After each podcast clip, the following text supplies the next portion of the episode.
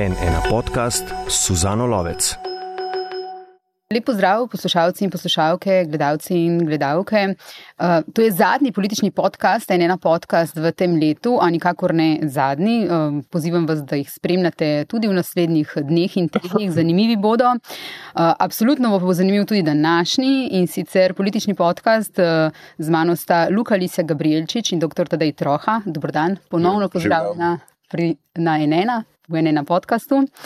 Na desnici je zanimivo aktualno dogajanje, zanimivo je mogoče prelahka beseda, kar napeto, z logarjem in SDS. Zdaj je bilo eno leto zatišje od predsedniških volitev, kjer je logar dobil ta politični kapital in izrekel, da smo na pragu nečesa velikega. Zdaj se je pa začelo razpletati ali pa mogoče zapletati. Uh, SDS skratka je včeraj sporočila, da dvoma ni več, da Logar ustanavlja novo stranko in da njegovih nadaljnih nastopov in stališč ni več mogoče avtomatično šteti za stališča SDS, ampak za stališča nove stranke v nastajanju. Uh, iz stranke ga sicer niso vrgli. Logar se je odzval, da odločitve o stranki še ni sprejel in da je stališče SDS prekomirno. Janša je na to na um, Twitterju rekel, da izvršilni odbor ni sprejel nobene odločitve v povezavi z Logarjem, temveč je le ugotovil dejansko stanje in da če poslanec Anže Logar ne bo ustanovil nove stranke v roku enega leta in nas o tem pravočasno obvestil, kot je napovedal včeraj, potem ni nobenega problema. Uh, Luka, uh, kako si lahko voljivci razlagajo to stanje, kako izgleda voljivcem to stanje, um, kaj se v bistvu dogaja? Jaz mislim, da voljivcem Zgleda to stane tako, da v tem sporu med Hamletom slovenske desnice in SDS-om izpade boljši SDS. In zdaj smo povedali tako rekoč vse. Mm -hmm. Zakaj? Jaz mislim, da on tem svojim neprestanim zavlačevanjem in ustvarjanjem uh, nekega suspensa, ki je postalo že grozno dolgočasno, um, si dejansko zelo aktivno zapravlja politični kapital, ki se ga je nabral. Jaz razumem, seveda, zakaj to počne. Ne? Zato, ker pač v Sloveniji je težko, kjerkoli, ne Sloveniji, je težko ustanoviti politično stranko tri, dve leti in pol pred, pred volitvami, um, brez pravzaprav za zavestjo, da, da, da, da bi bila taka poslanska skupina majhna, nepomembna v, v, v parlamentu. In za zavest, da ko bi prišlo do, do prvega volil, pomembnega volilnega zmenka, tako rečem, bi bila že v bistvu uh, uh, izguljena ta stranka. Mm -hmm. Ampak po drugi strani bi to pokazalo nek, neko politično resnost, ne? ker on nastopa se pravi kot nekdo, ki je alternativa desnice, ampak tudi alternativa neki politični praksi, dekadentni in tako dalje, eh, liberalne levice, z temi novimi obrazi in se dejansko ravna kot nek novi obraz. Ne? Se pravi, um, ravna kot, nek, um, kot, nek, uh, kot neka starleta politična. Ne? Uh, ustvarja to pričakovanje, a, ali bom ali ne bom, ne kot Urška, ne? Sedem odbile ure je čes in ko je ravnace Urška na ples. No, in, uh, ne vem, če to, ne vem, če, ne vem komu, je to, komu je to v bistvu privlačno še. Uh -huh. uh, tedej, ti si prejšnjem podkastu tukaj političnem, ne, kjer sta bila tudi iz uh, Logareve platforme um, Alja Brgles, pa Primož Cirman je bil tudi tukaj z nami, ne, ker si ti, Luka, nažalost manjkal. Ja, uh, nažalost. ja, si rekel nekaj, kar je skoraj identično temu, kar je včeraj zapisal IO SDS. Oni so napisali, v primeru, ko poslanec obstoječe stranke kljub danim zavezam voljivcem in uh, podpisani pogodbi tekom mandata ustanavlja novo stranko ali ko se okrog tako imenovanega novega obraza perforirajo obstoječe politične stranke, si voljivci zaslužijo vsaj odprte karte. In zdaj tole bistvo. Prikrivanje tega namena vse do zadnjih mesecev pred volitvami v politični prostor vnaša načrtno. Uh, namerno načrtovano zmedo. V interesu voljivcev in poštene volivne tekme je, da se različne alternative pravočasno in jasno predstavijo. To si ti rekel zadnjič. Ni bilo prvič, da je SDS po nekem času eh, ponavljal. To, to se mi je že večkrat zgodilo. Moram reči, da, da mislim, da sem. Uh, Po mojem, izumitelj uh, sicer zelo nepriljubljenega pojem, pojma svobodnjake za gibanje svobode. Tako da, uh, mimo grede, ne, ki so ga potem prevzeli uh, v svojih slabih momentih. Uh, ne, Mislim, da je to, kar je Luka rekel. Yeah. Ja. Težava je in to je, kar, kar je treba, kar je narediti. Zato ima, seveda, je, sem imel jaz prav in ima SDS prav in logar ne ve, kaj bi. Je ta elementarna težava, da v Sloveniji niso navajeni več politiki ustanavljati strank, yeah. Ja. dve leti pa pol, skratka v obdobju, ko se to spodobi. Mm. Ko ti vedno se reče, ok, mi ustanavljamo, mi govori se o nekem tlečem gibanju, o nekih sestankih, lahko hodiš, ne vidiš, pol, greš mimo kakšnih hotelskih aval, pa vidiš te ljudi takoj, kako začnejo tam posedati, pa se pogovarjati, tudi če nisi požaren. Pač to opaziš, ne samo da ne fotkaš eh, in ne govoriš o kroka. Um, Svetka ljudje tam eh, se znakujejo, ne? vse se kao dogaja, ampak nobe, javnost pa o tem nič ne ve in se pač računa na ta. Čaka, zdaj pa ne. Kot sem rekel takrat, že ne.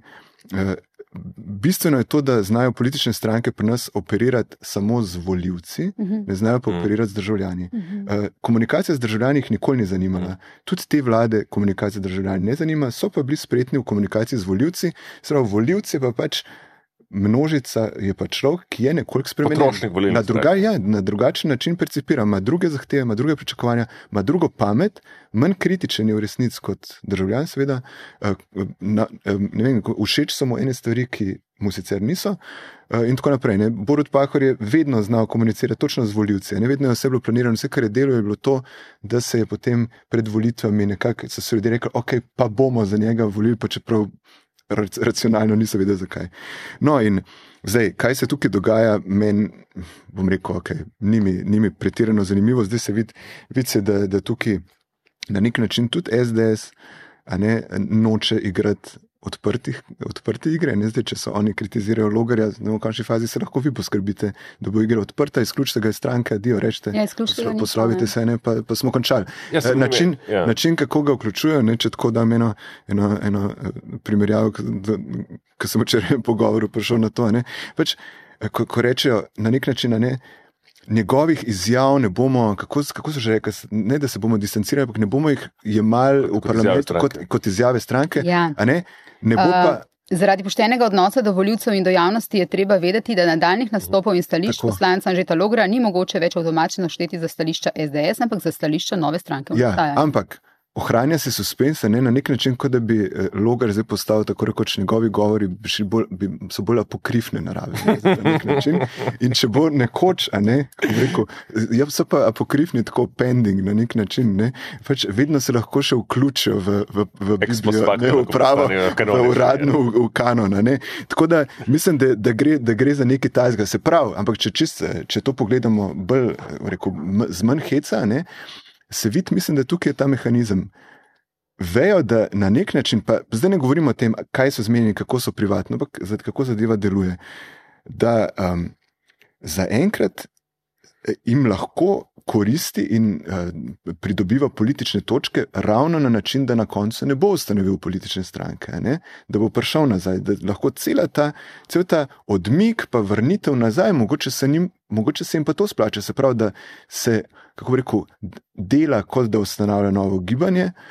Pridobiva določene simpatije, navezuje nove, um, nove, nove navezave ne, z mhm. gospodarstvom, recimo, in tako. In potem njih v bistvu On se sicer vrne v SDS, ampak vsi bojo percipirali SDS zaradi tega, ker se je on vrnil not v polni miri, se je SDS očitno spremenil in postal boljši. Demokratičen. Bolj demokratičen in, in bo. Razumem, se, se razumemo, o čem govorimo. Ne? Se pravi, da eh, ena strategija, ki se jo vidi, kot okay, ustanavlja novo stranko, pa bo potem po volitvah bojo pa stopili skupaj, ne? pa se združili, se šteli glasovi in se na ta način ekspandira zadeva, ali pa bolj na ta način, to je, se mi zdi še vedno bolj verjeten, da vse ostaja tako kot maltizera, ne?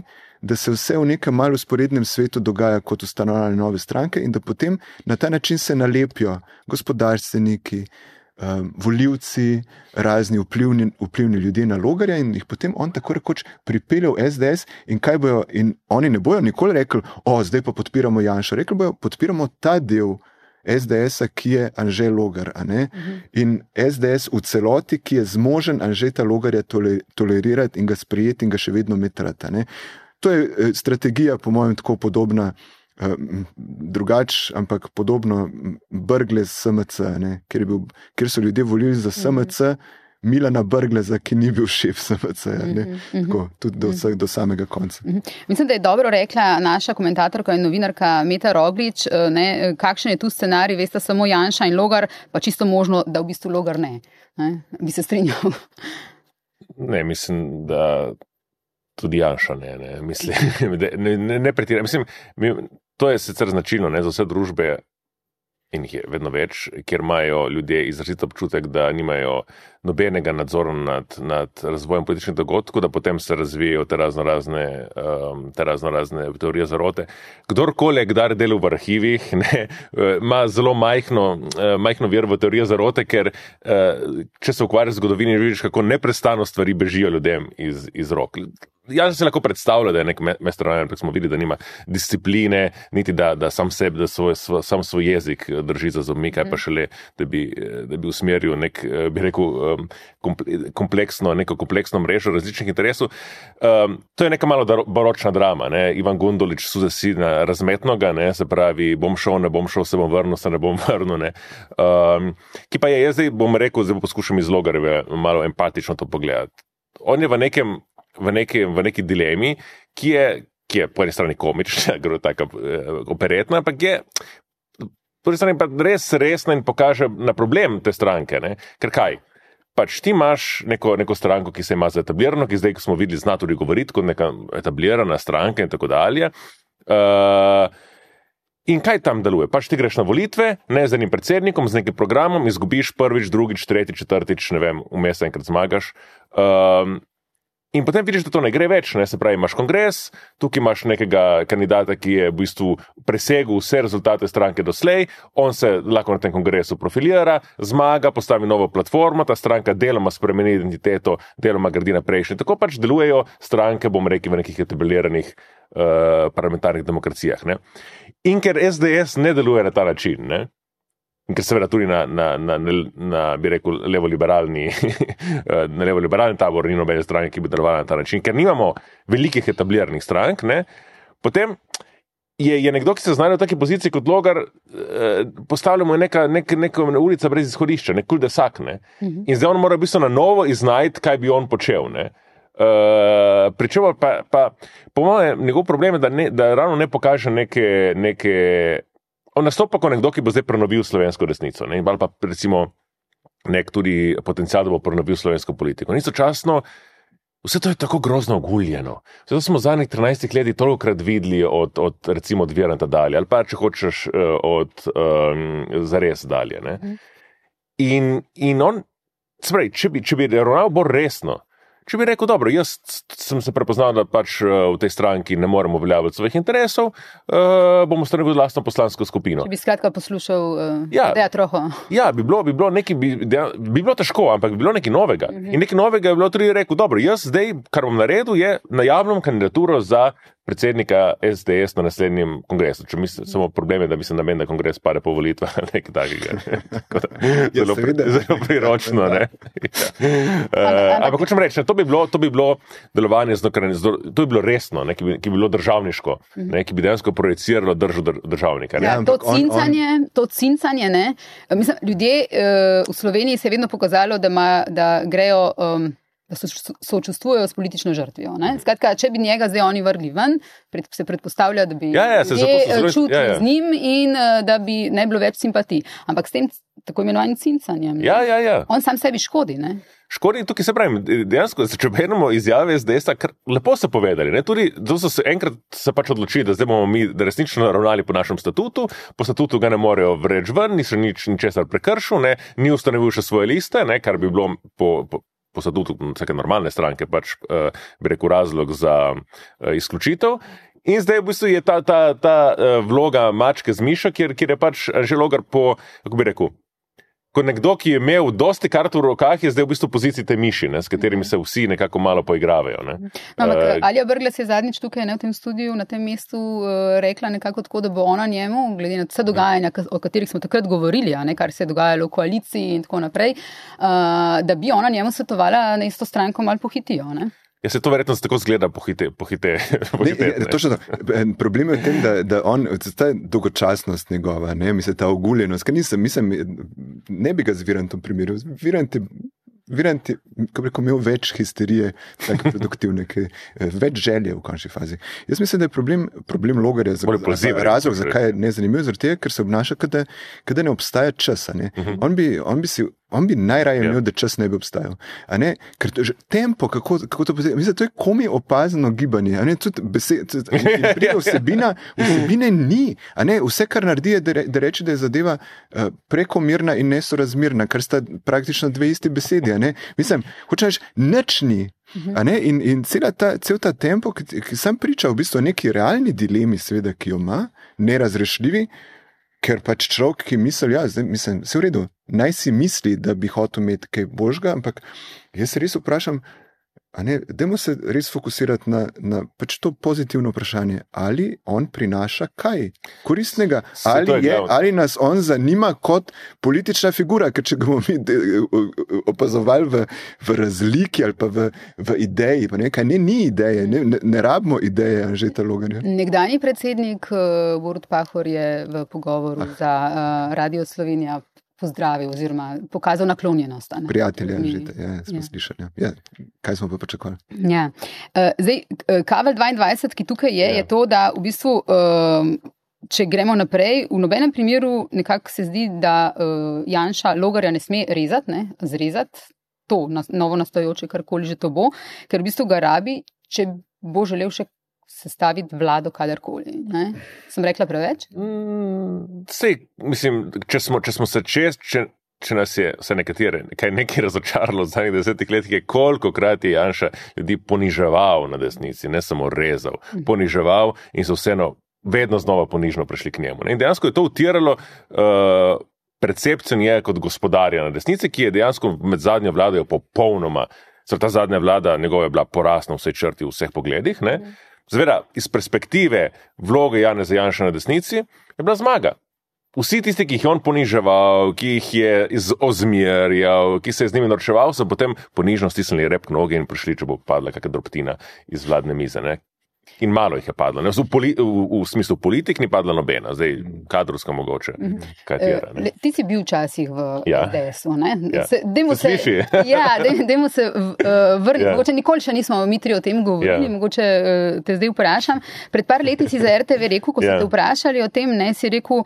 Um, Pomembnejše se mi zdi vprašanje, kaj se zgodi političnemu dogajanju, da se premakne. Rekel bom preprosto, mogoče kruto, morda bo kdo rekel um, celo samo všečno. Nekateri zapustijo stranko zaradi svojih prepričanj, nekateri pa zapustijo svoje prepričanja zaradi stranke. Um, ja, ja. Praktično lahko kandidiraš. Zakaj ne stanoviš sam gibanje? zakaj si ti takrat izstopil iz stranke? Zakaj ga nisi takrat? Uh, ker me ne zanima več delovanje v strankarski politiki. Mm. Uh, zato, ker, ne, tako bom rekel, jaz, absolutno, če bi šel nazaj, ne, kot tisto ničejevo, ne, uh, večno vračanje, ali bi vse to še enkrat ponovili. Yeah. Ja. ja, bi, ne, je bilo prav zabavno. Mislim, da človek, eh, jaz vedno bom rekel in mislim to zelo iskreno, da. Mislim, da bi se mogli mladi ljudje, če imajo čas, če imajo željo, učenjevati v politične stranke, uh, ker so še vedno daleč najučinkovitejši, uh, bi rekel, kanal sodelovanja. Ker tudi z nekim, tudi bolj, bolj boljši kot recimo aktivistično, ker, ker aktivist nima tega feedbacka, ni, nima te izkušnje, ko se treba pogajati, ko je treba ko je treba, recimo na lokalni ravni, kaj doseči. Mislim, nimajo tega smisla, kaj resnici politika je. Ne. In zato, ja, ja jaz uh, mislim, da bi se vsi morali v politične stranke, prid ven razočarani, super, ne samo, ne, kako bi rekel, naj ne bodo razočarani, predem poskušajo. Ne. Tako da mislim, da to ni uh, nič, uh, ne, ne, nič, nič posebnega ali pa uh, dramatičnega, ni moje. Ja, tako, mislim, upam, da se ljudje več ljudi imajo to izkušnjo. Takoj, ko najdeš politično stranko, za katero misliš, da ti ustreza, učlani uh -huh. se mhm. vanjo. Mislim, se strinjam. Spet se strinjate. Kaj pa naj rečem, mislim, da se tle iz SDS ali norce del. Um, ne, mislim, če ja, še nekaj ja, reči. Kar, kar, kar, ja. To, kar si ti rekel, ne, ja. stvar časovnosti, to je ključno pri politiki. Mm -hmm.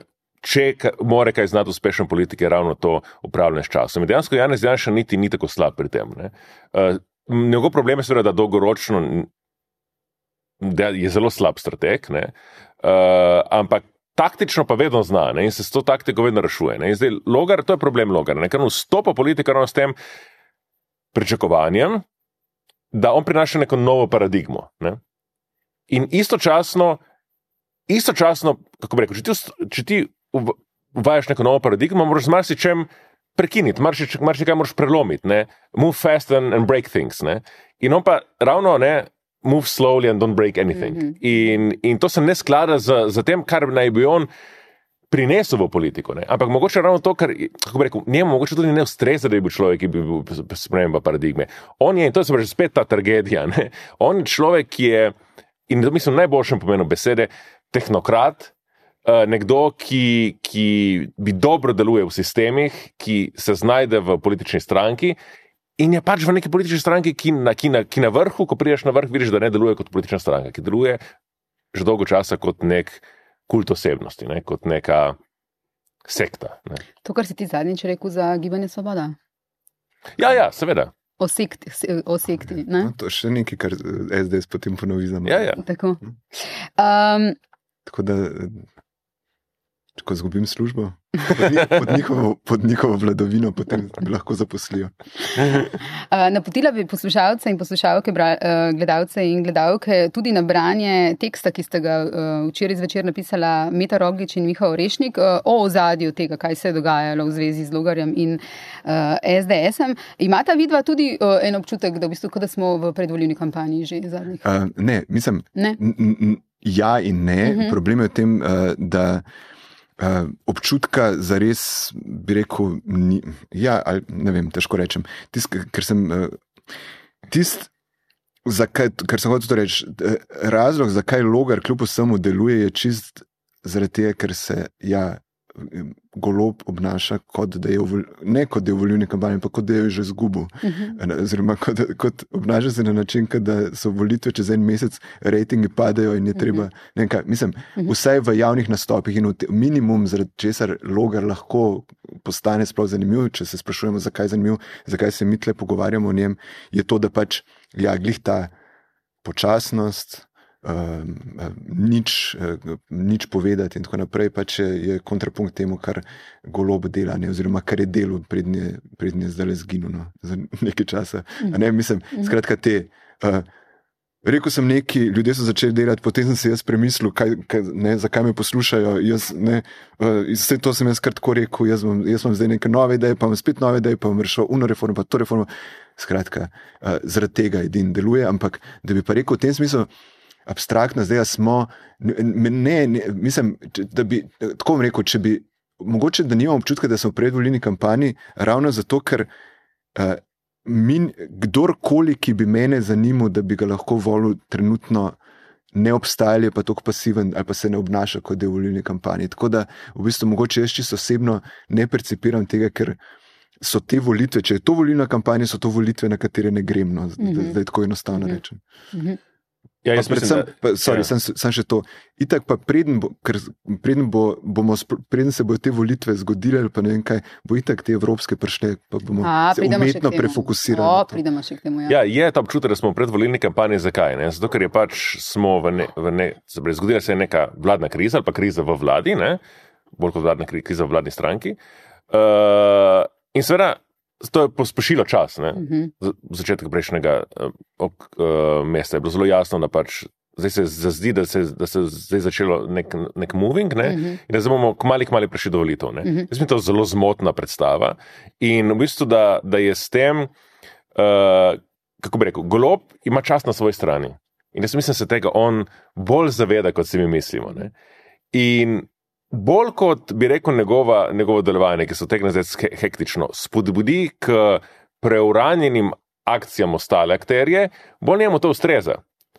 Ker on ima dejansko še vedno, zelo uspel. Jaz mislim, da je poslanska skupina zdaj z temi čistkami bolj konsolidirana na Gibanje Svobode, kot je bila prej. Njegov nadzor nad vlado je večji, kot je bil prej. Uh, nadaljeval bo nastavljanje svojih ljudi na, na paradržavnih strukturah. Uh, In dve leti in pol je do volitve, dve leti in pol je, je čas, da ljudje trikrat, štirikrat pozabijo, kaj se je zgodilo vmes, ne enkrat. Ne? Da, imaš občutek, da mu lahko zraste ta podpora? To, um, pač... Jaz imam občutek, da, da ni, ni potreba, da mu zraste ta podpora, če, če, če, ne, če se ne, kako bi rekel.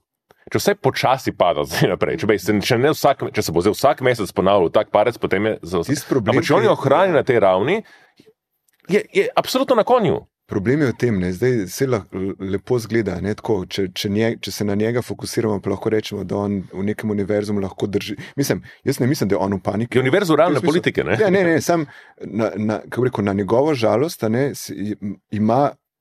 Ponuja tudi okrog sebe ljudi, ki pa mogoče uh, so pa dejansko v paniki. Če, pogledam, če pogledate zadnjič, recimo Tačo, ki je bila, mislim, Tamara Vonta zgleda kot pa, na parlamentarnem odboru včeraj izgleda kot človek, ki ne ve, spoh, dobesedno včasih ne veš, kje je, kaj hoče.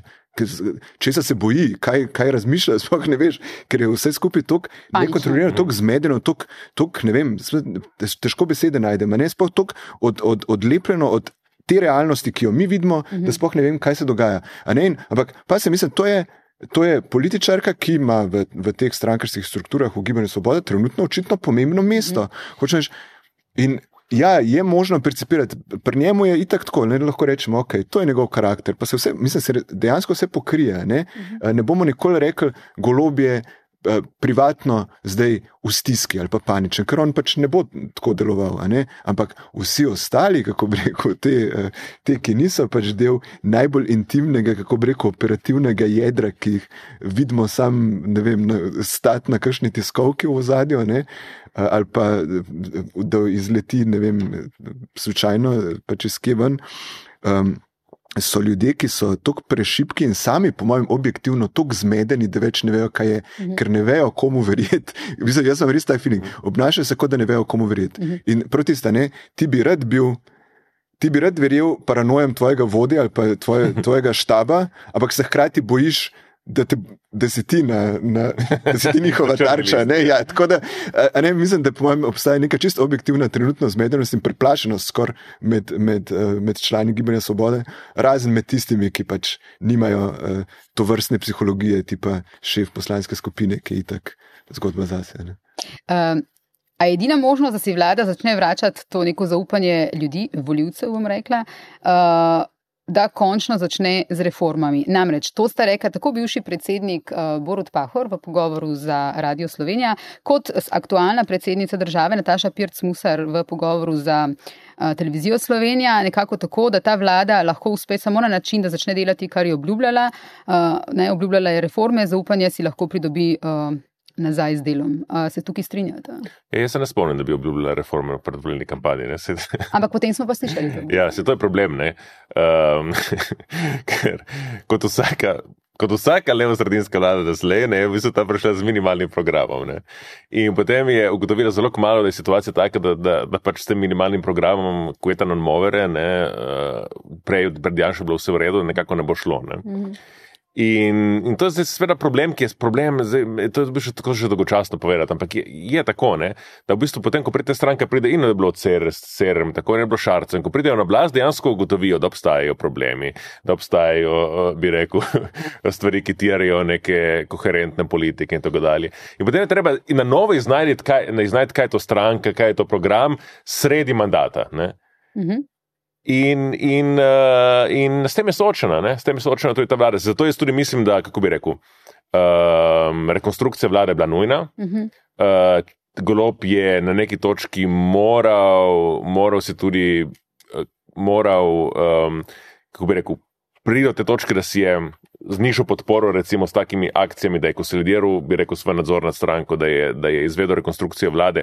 Bolje, da je to storil sredi mandata kot proti koncu. Uh -huh si je privoščil ta, ta, ta parec podpornosti. Edino, kako bi rekel, um, zdaj manevrskega prostora za, za neke napake več nima. Ne? In je tudi vprašanje, to je zelo podobno kot pri Janši, ne? ali je te, je ta, te bitke, ki je, ki, za katere se je zdaj odločil, recimo z Bobnerjevo, ki mu je zelo škodovala, ne? ko sem kot se meni zdelo, da se bo zgodilo. Um, ali so bile pametno izbrane? Mhm. Pravi, ali je rekel, zaigral začetne karte, ki jih je imel, ne, če gremo pri Taroku, ali je tis, uh, za, za pa, kaj je pobral tega? Uh, kaj je s temi visokimi taroki, ki jih je vrgel gor, pobral? Zelo malo, ne? zelo malo, zelo malo točk. Uh, in zdaj je v bistvu z Zdaj si ne more več privoščiti velikih pacov v popularnosti, manevrski prostor si je, si je zmanjšal, ne da bi kaj bistvenega dosegel. Mm -hmm. to, no, uh, jaz pravim, malo ja. dobro namirno gledati, ne, kaj bi se, v čem bi lahko bil problem. Ne, mislim, ne bi se čist strinjal, ne, da, je, da je koalicija prišla brez programa naprej. Mislim, če je zadeva na volilni, kako reko, volilni kampanji delovala za anti-janša, bla bla in za dejanšizacijo, česar koli že. Ja, minimalni problem. Ne bi rekel, da, ja, ampak se, ne bi rekel, da, da oni niso na neki drugi ravni, mogoče javno ni bilo to rečeno, da niso imeli idej, kaj narediti. Jaz mislim, da je bilo na začetku resno zastavljeno in zelo ambiciozno zastavljeno, preambiciozno zastavljeno. To um, se pravi. Uh, bila je ideja, da se v tej državi da hkrati reševati ene tri velike probleme, ne samo reševati, ampak hkrati imeti tudi javno pozornost za reševanje teh problemov. To je bil, po mojem, ključni, ključna napaka.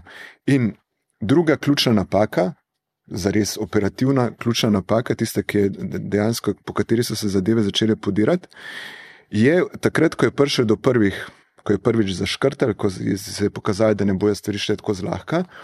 Je, imam jaz občutek, da so te strukture na mesto, da bi um, um, namesto da bi poskušali malo mirno razmišljati, pa razumeti ne, objektivno dejstvo, da za velike spremembe, da, ljudje, da, da v Sloveniji malo manjka ljudi, mhm. manjka ljudi, ne zdaj. Samo po sebi, ne, da ne bi bili elementarno usposobljeni, ampak manjka ljudi, ki bi, bi bili zmožni uh, za pol leta mal, z malo eh, spraznjeno glavo uh, razmišljati. Ne bi takoj videl, da tega ne smem narediti, ker, bo, ker bo to imel slab učinek na mojo podobo v javnem mnenju. Ne upam tega reči, ker bo ta pa ta nevladna organizacija me napadla. Ne upam tega reči, ker bojo eni cehi name skočila. Ne?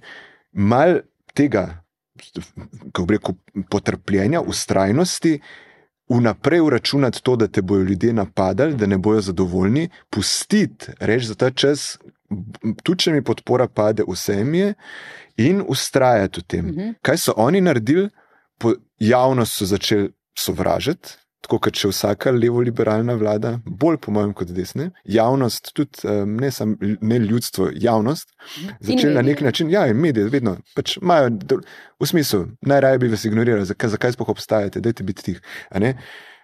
Sovražiti.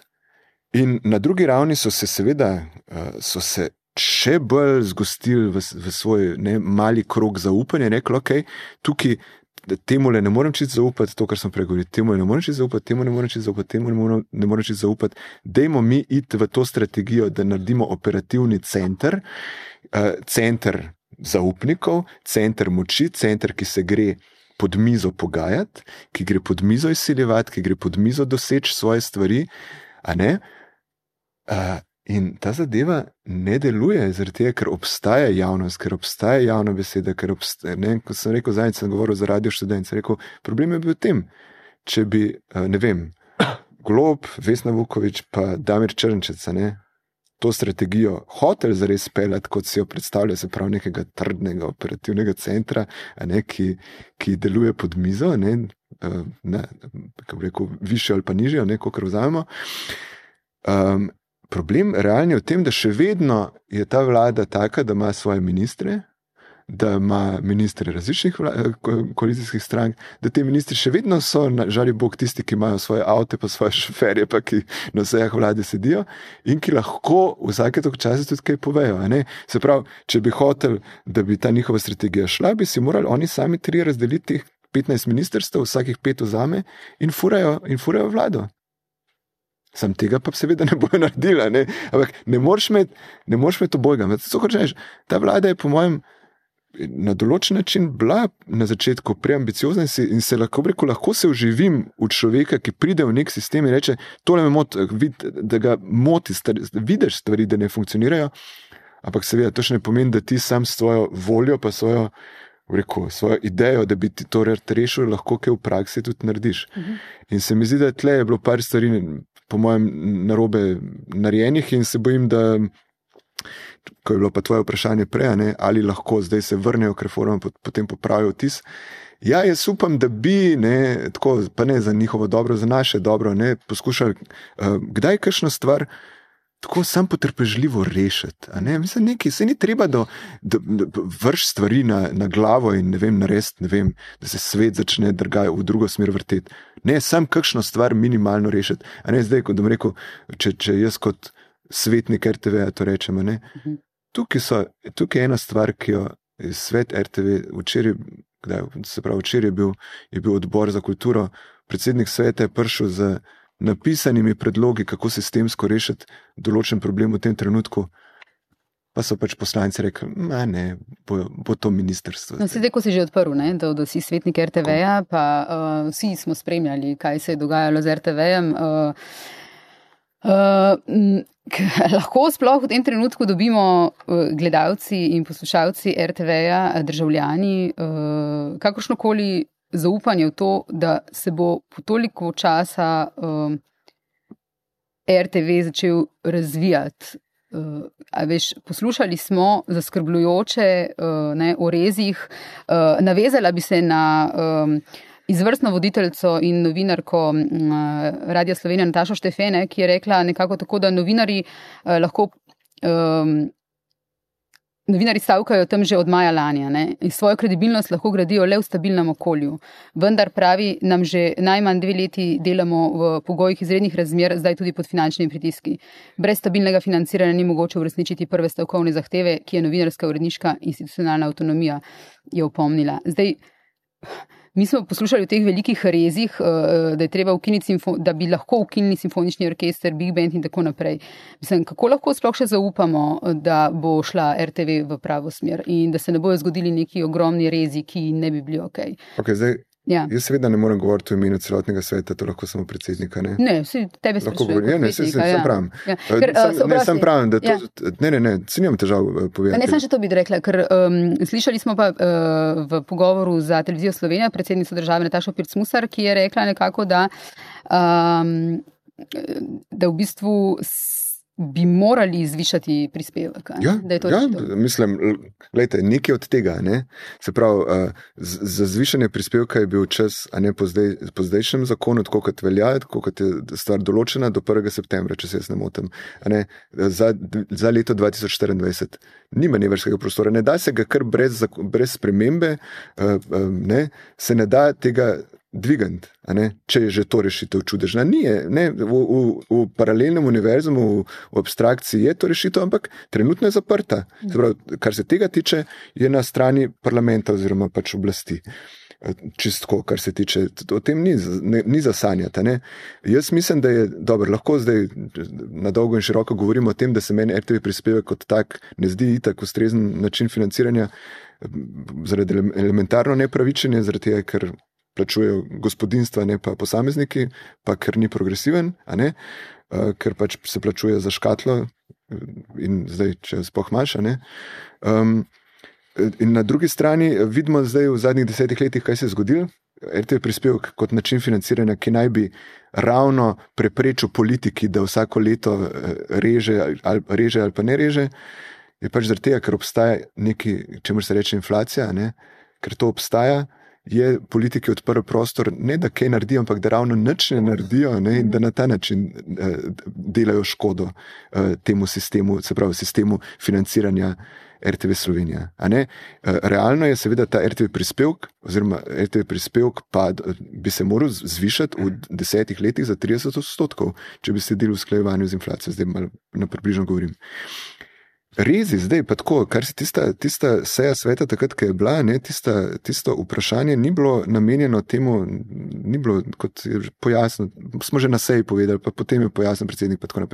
Seveda ni šlo za poziv k ukinitvam, šlo, šlo je samo za um, to, če mora se reči, za to uguljeno frazo na lit, ne se čistega vina, ne, uh, pogledati uh, pogledat situaciji v oči da je trenutna, da imamo mi dve alternativi. Ena alternativa in ta, ki se je pa to, kar se je zdaj v zadnjih dveh dneh pojavila, ne, ker je bil eh, programsko-produkcijski načrt ven prišel, to so rezi, ki nimajo veze s tistim sklepom sveta, ne, ne mešati teh stvari. To, to je tisto, zaradi česar je bil naš sklep sploh takrat sprijet. Zakaj sem jaz med drugim tudi odprl to debato, ker pa ker pa rezi, ki so pa, če zadeve ostanejo in če probamo zadevo se konzervativno lotevati, so pa rezi, ki pomenijo brez olimpijade, ki pomenijo brez evropskega prvenstva, kljub temu, da se že nekaj plača za to, ki pomenijo uh, pol manj filmov, ki pomenijo Po, ne vem, tudi na, v regionalnih centrih ukinitev treh glasbenih oddaj, recimo eno o, o popu, eno o, o repu in eno o elektronski glasbi. Ne, mislim, tako hočem reči. Uh, nimamo zdaj opravka s tem, da uh, zadeve bi lahko ostale perfektne in krasne, ne, tukaj, pa, tukaj so pa svetniki, ki hočejo ukiniti simfonični orkester, daleč od tega. Mhm. Ne, uh, gre za to, da se resno vprašamo, ne, čistko. Simfonični orkester in Big Band sta instituciji, ki sta bi jaz rekel, bolj koristni za državo v celoti kot za RTV Slovenija. Ne tega na robe razumete. Ne? Fino je, da RTV Slovenija ima uh, orkester, da ima big band, da ima glasbenike, ki potencialno lahko tudi v programu pomagajo. Ne? Godalni kvartet pride za igrati, del, del orkestra, včasih. Nekdo rabiš, rabiš za radijsko igro uh, oboista, da ti, da ti nekaj zašpila. Zakaj bi to vzel iz arhiva? Ne? Ni bolj, da to uživo, da, da, za, da imamo originala, ne? posnetek, ne? za, za kaj ta reči, je koristen, ampak je pa, in to je pa tudi predsednica uh, republike, ne reka, da, ko je reka, da je dragul. Ja, se mi to vemo simfonični orkester, ampak je za državo. Zakaj torej v tej krizni situaciji, in to je bil predlog predsednika sveta, ki ga je prinesel v parlament, da država te kulturne, a ne te zadeve, ki evidentno presegajo RTV Slovenijo v nekem smislu, da država za njih poskrbi iz drugega, iz neposredno iz proračunskega vira. Ker če mi rečemo, to je stvar, ki je dragulj, ki je ne smemo zgubiti, ja, torej jo je treba stalno proračunsko financirati. Torej, A ni logika v tem? Se pravi, to dejavnost se financira, kljub temu, da se druge stvari kot. Ja, ampak pravim, na, ne, ne iz RTV prispevka, da je tudi način. Se pravi, da, ker to ni neki orkester, bo tako velik, kot je za večno. Ne, ne bomo v doglednem času, se ne bo zgodila revolucija, rekel, v glasbi, da bo rekel, orkester je pa zdaj sestavljen samo iz dveh violin, pa 20 bobnov. Pač simfonični orkester, vemo, kaj, kako je definiran. O stavbo in, in tradicija je. In mi to tradicijo hočemo ohraniti, in ravno zato je treba najti drug način. Eh, zato je ne, treba najti drug način. Zato je, zato je to bolj samoumeven način financiranja direktno iz proračuna, če gre za dragulj, ki, je, ne, ki potem igra v raznih institucijah. Upam, da se glede tega strinjamo. Ne. Kar se tiče regionalnih centrov, recimo, če je drug problem tukaj je prišlo, po mojem, do nekega nesporazuma. Ne? Ker zdaj, da tako rečem, vprašanje je bilo itak tako, sam da vidimo, tudi da pride do javnega zavedanja v končni fazi, pa da mi se tudi kot svetniki zavemo, koliko te zadeve, da te zadeve obstajajo, da koliko te zadeve stanejo in koliko bolela bi ukinitev, če bi dokdaj do nje prišlo. Ampak ideja je bila vedno, in to, če si greste sejo pogledati, pred tem sklepom, tudi moje besede, ne, pa tudi na kakšni prejšnji seji, vedno je bilo podarjeno in to, kar jaz globoko verjamem. Regionalnih vsebin, in tudi direktorica televizije, recimo, isto verjame. Regionalnih vsebin je v centralnem programu premalo. Mm. Uh, poroče, jaz bi si želel, ne vem, v končni fazi slišati, kdaj, zakaj ne, če imamo, da, iz, da nekdo iz TV Koperka Podistrija naredi prispevek za, za, za dnevnik, pa če tudi v italijanščini, zakaj pa ne? Zakaj pa ne bi razmišljali na ta način? Ne bo še dajal slovenski politiki na radi Slovenije v italijanščini. Ja, ja, tako. Ne, ja, no, ampak hočem reči, ne, gre, ampak gre za vprašanje organizacije. Za vprašanje organizacije. Jaz tako včasih razmišljam, zdaj, sem tako razmišljal, zakaj je smisel, da obstajajo regionalni centri kot rekel, avtonomne televizije, avtonomni radi. Pa se vprašam, ali je to mogoče zato, ker je bilo včasih lažje posnet nekaj v Kopru, pa na televizijo v Koper prenesti, pa predvajati, pa mm. potem ta posnetek vzeti prek, prek TV valov, kar, ne, kar na, na tehniko se res ne spoznam. Ali vse se ufičata, pa se pelati mm. po stari cesti čez razdrto, pa, ne, ko reko. Pa priti v Ljubljano, pa dve ure, pa pol porabiti, pa tam prenesti kaseto, pa jo vršiti not v centralu na kolodvorski, pa jo zavrteti. A veste, kaj govorim? Pač nekaj so čist Um, verjetno so tle neke ostaline in RTV prispevke tudi ostalina tega, ostalina neke, nekih starih organizacijskih praks, ki so bile iz neke druge materialne realnosti zahtevane. Ampak še enkrat bi podaril, ne, brez strahu, a ne mislim v tem smislu, sam alternativa, bo pa moral nekdo nekaj narediti. Ker alternativa je pa, da imamo mi program, ki ga je že težko resno vzeti, ker je samo, ker bo zgledal isto, pa še manj ga bo. Mhm. Okay. Vrnimo se nazaj, ja, smo malo, gremo, malo smo zašli. Ja. Ja. To, je, to lahko tudi zrežemo, ne pa da imamo kot posebno oddajo. Ja. Decembra smo, rekla sem, zadnji politični podcast. Če potegnemo črto pod politično leto 2024, kaj je prineslo Sloveniji in njenim državljanom? Zdaj, kje je tukaj zdaj Sloven zdravstvo, kje je eh, pokojninska prihodnost, kje je to, kdo nas bo um, negoval, ko bomo stari in obnemogli, kje je prihodnost, uh, kdo bo učil naše otroke oziroma vnuke uh, v šolah. Hoče reči, kaj smo v tem letu kot državljani dobili ali izgubili? Nič. Hm. Nič, kar je seveda po eni strani tragedija. Ja. In po drugi strani, mislim, da pod Pa ne sem mislim tukaj samo na Janez Janša, mislim tukaj na, na pandemijo, na izjemno poslabšanje geopolitične situacije posod okrog Evropske unije, znotraj Evropske unije v zadnjih dveh letih. Mogoče tudi ljudje so želeli ta nič nekaj časa. Ne? Se pravi, uh, ampak cena za ta nič je bila istočasno preveč drame. Ne? In jaz mislim, da, da ta, da ta, um, ta enačba, ne? Uh, preveč hrupa za nič, ne se sliši tako banalno, je tista, ki, ki, ki, ki, naj, ki najbolj teži, recimo, zadnje politično leto v Sloveniji. Zlasti, če dovoliš, res ne. Stopimo korak nazaj. Ne? Poglejmo, v katerem svetu živimo, recimo danes, na leto 2023, pa v katerem svetu smo živeli, recimo, ko smo, ko smo prvič bili tukaj pri tebi. Ne, ne vem, mm. mogoče bilo pred februarjem 2022. Mm. Mislim, s, uh, resno, v resni situaciji smo, mm. v tem delu sveta. Mm. In uh, preveč energije zgubljamo za, za premalo učinka. Mm -hmm. Upam, da zdaj nisem par klišejev na vrhu, ampak dejansko poskušam stvari nekako razumeti. Tako, z malo, z malo distance. Ja, se, absolutno se strinjam s tem. Mislim, da pač tudi če je kliše, mislim, je, je, je resničen. Ne, mislim, um, ja, mislim, uh, tisto, kar, um, um, kar, kar skoraj ne morem ne reči. Včeraj sem zasledil, da je um, to, kar se že rekel, ne, od leta 22, februarja 2022 imamo dru, drug svet. Mislim, dve, dve vojni. Uh, mislim, dve vojni živimo in to nas spremenja. In, uh, še več, ne? Ja, še par, ki jih ne ja, spremljajo, ja. recimo v Armeniji. Ja, ne, ne, ne, vse pravim, ampak ja, te, ja. te so te nas realno, ne, mislim, tudi zaradi tega, ker smo pozorni. Še vedno. Ja. Spremenjajo. Um, ampak um, ne vem, če ste opazili in res bi vse gledalce in poslušalce napotil, ne, da se odpravijo v, v, v park Tivoli v Ljubljani, ne, mm -hmm. če ste iz Ljubljane in si pogledate, kakšna razstava je trenutno v, na promenadi.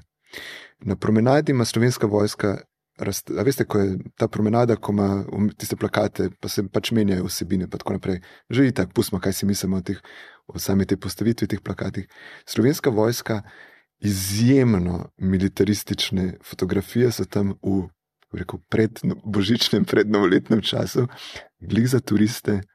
In to se meni zdi z eno besedo, ne morem reči, bolano nimam drugih besed, bolano je to. Se pravi, uh, tudi z, z napisi, ne, vojska, to sem tudi zadnjič, mislim, da govoril. Vojska se je v Sloveniji, tako smo upali, vzpostavila kot neka v principu miroljubna sila. Vse mhm. vemo, da je to na tek, pa tako naprej, pa da vojska ima svoje. Pa kako, kako je prišel ta ta odkrito, mislim, to so samo maskirane uniforme, to so samo, pa ne vem, pa nekaj prav napisi, ne v smislu, napis tudi v spodi, uh, ne vem. Tudi, urban, tudi urbani prostori, bojišče, pa ne, je eno od bojišč, pa, pa kaže tiste vaje, kjer si ti, v, ne, ko priješ v neko hišo, pa z vogalom. Pa ne vem, kaj. Mislim, tak užitek ne, na tem mestu, v tem mesecu, da tako rečem, prazničnem, a ne s cinglanjem okrog. Mislim, meni se to, jaz, jaz svah, res nimam besed in to, to, se, to se bojim, da je to ta plus, ki smo ga dobili ne, mm. na simbolni ravni, mm. da smo se pustili nekim določenim strukturam militarizirati v glavah mm. in sprejeti nekaj stvari. Ne vem, sorry, deset let nazaj, če bi to videl mislim. Pa bi rekel, podjanša bi bil zgrožen, pa ne toliko, kot si zdaj. Ne, mislim, hočeš, tam bi, še tam ne bi pričakoval tega. Mm -hmm. Jaz bom tudi nekaj ob koncu ja. leta rekla, uh, pa bo tudi mogoče klišejsko uh, zvenelo, zagotovo bo klišejsko zvenelo, ampak jaz si pa res želim, da bi. Uh, v tem letu, ne, pa nismo tega doživeli, pa si želim to za naslednje leto, da bi dobili odgovore in rešitve za uh, Eh, zdravstvene probleme, ki postajajo vedno hujši, za probleme v zdravstvu, uh, za to, da bi vedeli, kako bomo lj, uh, mi, naša generacija, pa naslednje generacije, v bistvu prišli do pokojnin, uh, kdo bo skrbel za, ne vemo, da je. Uh, Izjemno pomankanje ljudi, ki bi negovali ne, starajoče se prebivalstvo. Skratka, želim si, da bi vlada, katerakoli bo zdaj in v naslednjih letih, res razmišljala več o tem, kot vsem drugim. No, predstavljajte si situacijo, ne, tako, da bi potencialno, ne, ne, ne pravim, da to obstaja, ampak recimo. Predstavljamo si, da obstaja na nekem določenem ministrstvu ena skupina ljudi, ki hoče te stvari resnično rešiti in razmišlja o tem in deluje na ta način. In da rečemo, vse je že pripravljeno, potem pa zaradi tega, ker se tam uh, golob afna nekaj okrog, ne? pa ker se Damir Črnčec hoče svoj, svoj mastermind plan, trojno, trojne obrate, uh, kako, kako rekel, propagando zganjati in kako uh, politiko furati, uh, uh, uveljavljene, vlada razpade in gre tist, vse tisto samo smeti. Mislim, tako hočem reči.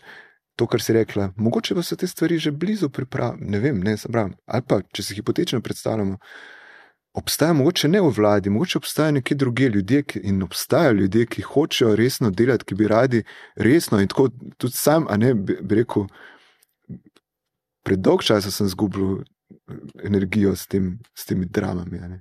Mislim, in, bi, in, in me res malo tudi reče, čisto osebno, res ti na polno začeti delati stvari in, in, in rešiti ene stvari v nekih malih ne, v, ne, v neki manjši meri. Ne, ne, ne nujno zdaj, da vsak, ki ima, vsak ima pet minut cajt, pa ki brat nekaj rešil, reče: Jaz bi bil premijer. Vse, Andrej Logar, lahko tudi kaj drugega dela.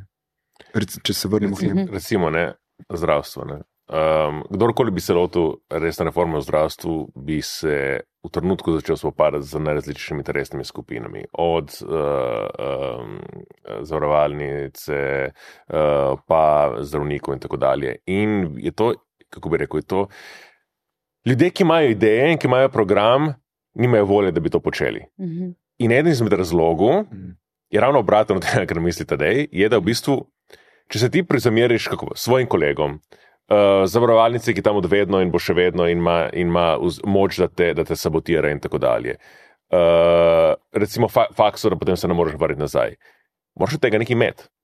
In tiste, ki ti to lahko nudi, je oblast je recimo politična stranka, mašina, ki je organizirana dovolj močno, da ti nudi to podporo. Proti, recimo, zlasti tudi, recimo, če, če so mediji proti tebi. Absolutno ne. In brez tega, ja. brez tega, da imaš ti, da te dve stvari nista, bi rekel, dobra strankarska mašina, ki, ki razume, kako deluje oblast. In zato mora biti še toliko, zato moramo imeti tudi neko tradicijo, in tako dalje, je predpogoj za neke smiselne uh, uh, politike.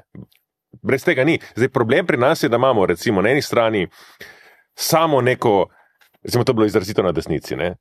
SDS, ki je neka mašina, ne? uh, ki nima idej. Ki ima vsakih pet let neko drugo idejo. Ne? Recimo, od, se, se spomnite, kaj vse je bilo govoriti, od teh tablic, vsem uh, otrokom dali tablice, mm. pa uh, tiste reforme. Let, se, to, to, da v bistvu Janez Janša vsake deset let spremeni svojo ideologijo, to smo še tu malo pozabili. Torej, tam je ideja v bistvu oblast in potem In potem uh, program, ki se na to lepi, je popolnoma poljuben. Ne? Na drugi strani nimamo niti strukture, ki bi lahko to speljala skozi. Uh, in se pravi, brez tega, brez neke, neke kako bi rekel, neke, uh, nekega, neke strankarske mašinerije, brez tega ne gre. Ne? Mhm. In, in v takem političnem sistemu, razpadlem kot je naš, je logično, da potem delujejo centripetalne sile. Da, da, da v bistvu ne, da deluje po teh, na principu teh, bi rekel, lobističnih skupin, majhnih interesnih skupin in tako dalje. Mhm. Uh, podobno, če da rečem nekaj dobrega v slovenski vojski. Recimo, Pet let nazaj smo se, se spomnili, se še spomnimo tistega, tistega škandala ne, o, o čevljih, ne, mhm. uh, ki so imeli slovenski vojaki. Slovenska vojska je bila 15 let, od, vsaj od leta 2008 dalje, popolnoma podhranjena. Ker posod je bilo treba rezati, in kateri je pravzaprav edini podsistem, ki ne sme stavkati, ki ne sme niti izraziti svojega, svojega mnenja, ker je že politizirane, je to vojska. In tam so bili rezi najbolj radikalni, najbolj brutalni. Jaz cenim šarca, da je to dejansko tudi že tonina predtem. No, vsak z ponesrečenimi mogoče nekaterimi ukrepi, ampak vendar ne poskuša stvari postaviti uh, na, na noge. Jaz tiste, tiste razstave nisem videl, ne? ampak je pa seveda nevarnost, to pa je gotovo je nevarnost. Ne, zdaj, v paniki tega, da smo mi zapostavili ta, ta podsistem 15 let, Je pa potem ta ideja, da bomo, bomo v bistvu privabili mlade ljudi z nekim larpanjem, ne, live action role playing. In to pa je nevarnost, ne, ker to pomeni istočasno tudi, kako bi rekel, deprofesionalizacija, banalizacija nekega zelo pomembnega podsistema. Ne. Ampak to je vedno tako, da se vrnem. Ne. Kadarkoli prija neka točka, ne, ti lahko zanemarjaš stvari uh, nekaj časa, in potem te realnost dohiti. In takrat nastopi panika. In v tej paniki se lahko marsikaj slabega zgodi. Ne? In jaz se bojim, da je veliko podsistemov v Sloveniji takih. Ne? In verjetno RTV je tudi en tak podsistem. Ne?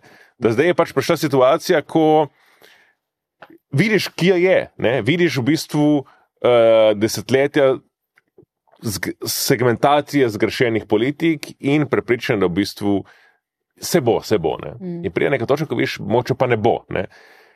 In ko se je potem treba rotiti reforme, tega ne, 15 let ni, ni, bilo dotak, ni, bilo, ni bilo resno, nihče ni tega resno razmišljal, bi rekel, globalno, kako to spremeniti, potem pridejo pa. Ne, Potem pa vidiš, kakšna je situacija. Mhm. Ja, se sprehodim po Tivoli, sem tudi pojem. Ja. Dobro, bom.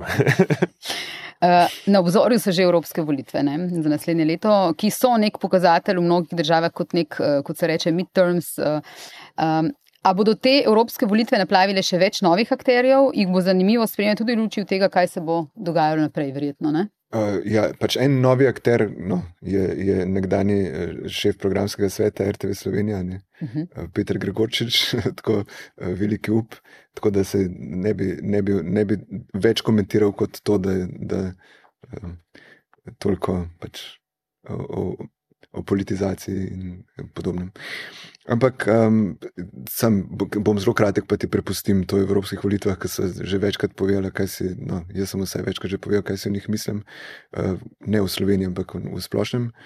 Um, jaz mislim, da bo na nek način to, kar, to, kar se na nek način mogoče jih veselim, da bojo, eh, ker smo se najbrž v Sloveniji tako navadili imeti skozi volitve, da, da bi jih malo rabili, uh mhm. -huh. zato da, da, lahko, da lahko še kaj drugega se dela. No? Uh -huh. ne, ne zato, da nas da zamotijo prav tako malo mal od odvisnosti, že skoraj, da se vse ta razpad vlade, pa rekonstrukcija, o tem seveda ne bo nobenega govora, ker bo evropske volitve. Pogovorili bomo o nekih razmeroma nepomembnih, o ljudeh, ki bojo na ne, razmeroma nepomembnih pozicijah potem. In, in, in se bomo pač malo zamotili, in bo to, to mogoče se kaj pametnega med tem zgodi. Ampak ali se lahko zgodi, da če recimo SD dobi um, več, kot je dobil, uh, gibanje Svoboda pa veliko manj, kot posledica tega paca, ne, um, ki ga je doživela stranka. Ali lahko to vpliva na uh, notranjo dinamiko tudi v koaliciji? Govorim zdaj, če se to zgodi na evropskih volitvah. Ali lahko te evropske volitve tudi na ta način recimo, vplivajo na politiko v Sloveniji? Lahko, evropske volitve so vedno nekako nek, nek barometer, recimo. Ne. Uh, so pa nesrečne Nesrečni so zato, ker je njih zelo enostavno izgubiti. Mm -hmm. in težko je, uh, težko je zmagati. Ne? Pač je, je, je, je sedem ali osem teh poslancev po Dontovem sistemu, logično. Mm. Uh, zato je tudi za tiste, ki vstopajo uh, na politični prostor, težek teren. Če je, kot je bo takrat prišel, da so ravno vstopijo, ko je popoln razpad sistema, jim lahko celo uspe, uh, drugače pa zelo težko. In na desnici, recimo, je sistem ni v razpadu. Za kdorkoli bo na novo vstopil, tam bo imel velike, bo imel velike probleme, vključno z, z SLS, z, z, z Gregoričem, pa. Uh, pa uh, Logar, če bi se za to odločil. Ne? Logar je sicer že večkrat javno rekel, da ne bo kandidiral za evropskega poslanca. Pričemer uh, je šefica medijane povedala, da uh, mu zelo dobro kaže, če bo kandidiral. Ne? No, da, da je ja, taka zanim, zanimiva situacija. Kaj hočeš reči, zarečenega kruha? Aj, ne, ne, ne, ne. ne, to pravim, seveda mu dobro kaže, ja. mislim. ja. um, kako pa vidiš uh, dogajanje okrog uh, Lojzeta Petreta oziroma predsednik torej osamosvojitvene vlade Lojze Petrle in SLS sta ta teden podpisala dogovor, s katerim v Petrletove roke prehaja uporaba imena slovenski krščanski demokrati. Hkrati se v bistvu tudi dogaja veliko okrog Pavla Ruparja, Kako to vidiš v, v luči tega, kar smo o desnici govorili prej na začetku tega podcasta? Meni se zdi, da že vsaj enih pet let ne, um, je neka prenasičena niša desnega populizma, v katerem hočejo vsi, mhm. v katerem hočejo vsi uh, ribariti. In v tem smislu, kako bi rekel, Jaz razumem, uh, zakaj je taka fascinacija ljudi nad logarem, ker je ideja, da on pa prinaša tukaj nekaj novega. Ne? Zdaj, tem smo, predtem smo razpravljali, zakaj mm. Je problem pri tem. Ne? Ampak jaz mislim, da, kot sem že prej povedal, ne? ravno evropske volitve so najslabši, najslabša možnost, da ti v bistvu s takimi projekti izrazito desno-populističnimi uspešne. Mm. Tako da to je moja ocena. Uh, tedej, če je uh, desnica uh, prinasičena z tem, uh, s tem, s tem uh, desnim populizmom, uh, s čim je prinasičena levica? Pojma nimam. Ne vem, ne, ne, um, levica. Ja, ne vem. Ne bi rekel, da je nasičena, s čim mislim, da je trenutno bolj bolj, um, če je problem recimo, tega, da na desnici kdorkoli se hoče pokazati, dobi deset novinarjev. Recimo ta dogodek, spet, mislim, ta, ta farsičen dogodek prenosa moralnih avtorskih pravic, SKD iz SLS na Lojzda Peteleta. Mislim, jaz ne vem, to, to dejansko je dogodek, na katerega so novinari prišli. Um, skratka, če je na desnici vsak, ki ima pet minut časa, pa si zmisli, da bi nekaj naredil, dobi takoj eh, pač žaromete. Je pač na levici še tiste, še obstoječe stranke, oziroma še obstoječa stranka in pol, ki obstaja. Um, se, se koga pa zanima? Mhm. Čistko.